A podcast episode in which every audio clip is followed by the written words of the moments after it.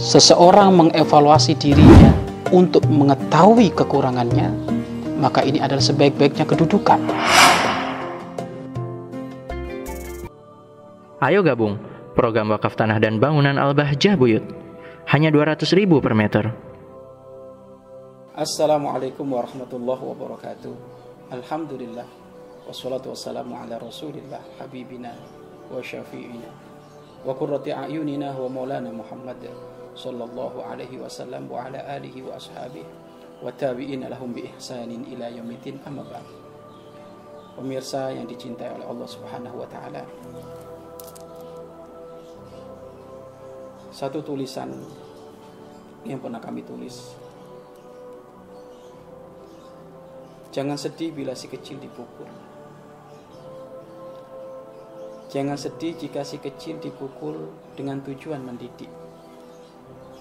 Karena sakitnya dipukul akan lenyap.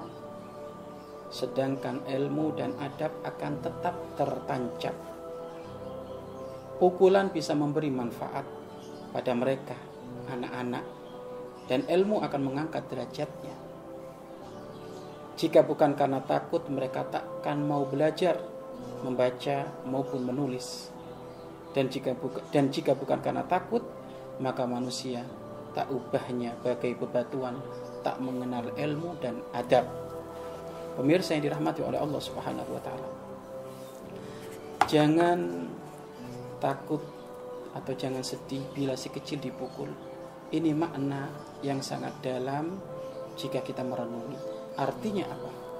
Di dalam kita mendidik putra-putri kita, putra-putri kita tak layak dan pantas kita sombong mengandalkan kehebatan kita orang tua. Gak bisa. Kita harus tawadu wahai para orang tua yang ada di rumah sana. Kita harus tawadu. Tawadu itu apa? Kita butuh bimbingan seorang guru. Kita butuh bimbingan seorang ustadz. Kita butuh bimbingan seorang murabi yang bakal menjadikan anak kita sukses. Maka jangan pernah merasa orang tua bisa mendidik anak. Gak bisa. Orang tua itu kalau mendidik anak kalau nggak emosian ya nggak tegaan.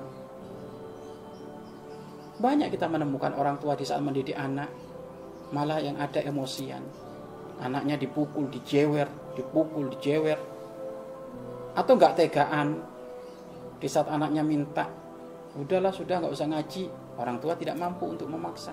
Ya itulah, karena memang orang tua karena saking cintanya sama anak, kelembutannya, kasih sayangnya begitu besar kepada anak, kadang ya mudah emosi dan juga mudah mudah menggampangkan. Maka dari sini kalau ingin sukses kita butuh butuh campur tangannya guru-guru dari orang-orang soleh.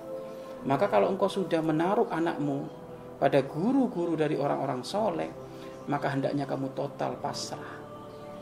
Total pasrah. Jangan kau ganggu anakmu yang kau titipkan ada di pesantren tersebut, madrasah tersebut, sekolahan tersebut. Kenapa? Karena kalau engkau sudah total pasrah, patuh nurut dengan peraturan yang kau titipkan anakmu di situ, maka anakmu akan menjadi orang yang hebat. Terserah cara pendidikan sang guru tersebut kayak apa. Termasuk fenomena di akhir zaman yang mengerikan, yang ini akan menutup keberkahan bagi seorang anak di dalam menuntut ilmu kepada gurunya adalah adanya orang tua yang tidak terima di saat anaknya dimarahin, bahkan dipukul nggak mau, dijewer juga nggak mau, bahkan bisa sampai melaporkan kepada pihak yang berwajib. Hal ini termasuk adalah kami katakan kedunguan orang tua dan juga kecengengan, kecengengan, kebablasan orang tua.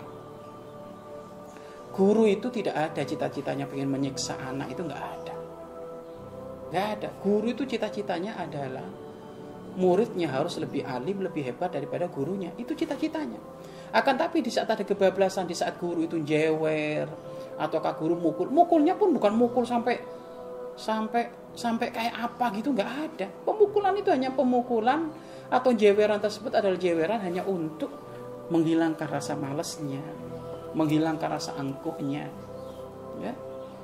Yang tahu anak kita ya diri kita, kayak apa supernya anak kita.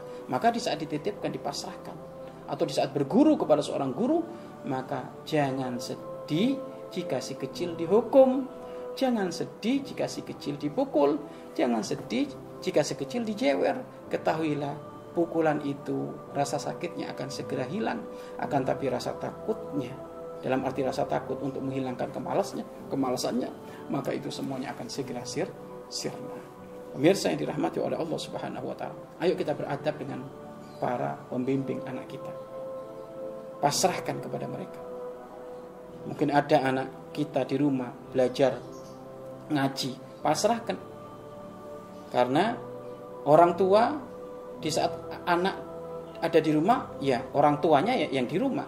Tapi di saat anaknya taruh di pondok, ada di pesantren, ada sekolah, ya orang tuanya adalah yang di pondok, yang pesantren. Sekolah itu orang tuanya. Maka pasrahkan agar segera jadi.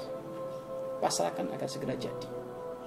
Dan ketahuilah syariat memukul ada di dalam Islam. Tapi memukul itu bukan memukul kayak apa enggak.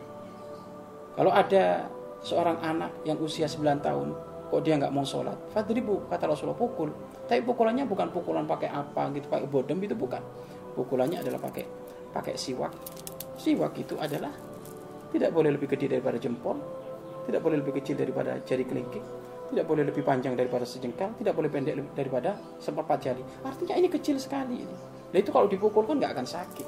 Memang tujuannya bukan mencari orang untuk kesakitan di saat di saat adanya hukuman memukul atau KJW bukan. Hanya untuk biar tadi rasa malasnya itu hilang. Rasa angkuhnya itu hilang. Rasa tredornya itu hilang. Maka dari sini pemirsa yang dirahmati oleh Allah Subhanahu wa taala maka ayo kita jangan menjadi orang tua yang cengeng atau sayang yang berlebihan wajar kalau memang ternyata ada hukuman nggak mungkin nggak ada nggak mungkin ada hukuman tanpa ada sebab pasti ada sebab ada pelanggaran sisi lain juga bagi orang tua yang telah menjadikan anaknya ditaruh ada di sebuah lembaga, orang tua jangan mudah percaya kepada anak. Telinganya jangan mudah bolong di saat anaknya itu ngadu macam APC. Kenapa? Oh, namanya anak kalau ketemu orang tua yang ngadu. Apalagi kalau anaknya nggak betah di pondok, mau ngadunya pun macam-macam sudah. Maka orang tua di sini adalah orang tua bijak. Yakinilah wahai para orang tua, jika engkau pasrah kepada seorang pendidik, pendidik yang soleh yang kenal Allah, pasrah, terserah mau diapain saja, maka ketahuilah anakmu akan menjadi anak yang hebat. Kalau sudah anakmu menjadi anak yang hebat, yang untung siapa? Orang tua. Untung dunia, untung akhirat. Maka jangan sedih jika si kecil dihukum. Jangan sedih jika si kecil dijewer. Jangan sedih jika si kecil dipukul karena memang sebab-sebab pelanggaran yang ia lakukan. Ketahuilah, pukulan itu tiada lain adalah makna cintanya seorang guru kepada murid. Demi Allah tidak ada seorang seorang guru benci kepada muridnya nggak ada. Kalau ada seorang guru benci kepada murid itu bukan guru yang sesungguhnya. Seorang guru itu adalah sangat cinta kepada muridnya.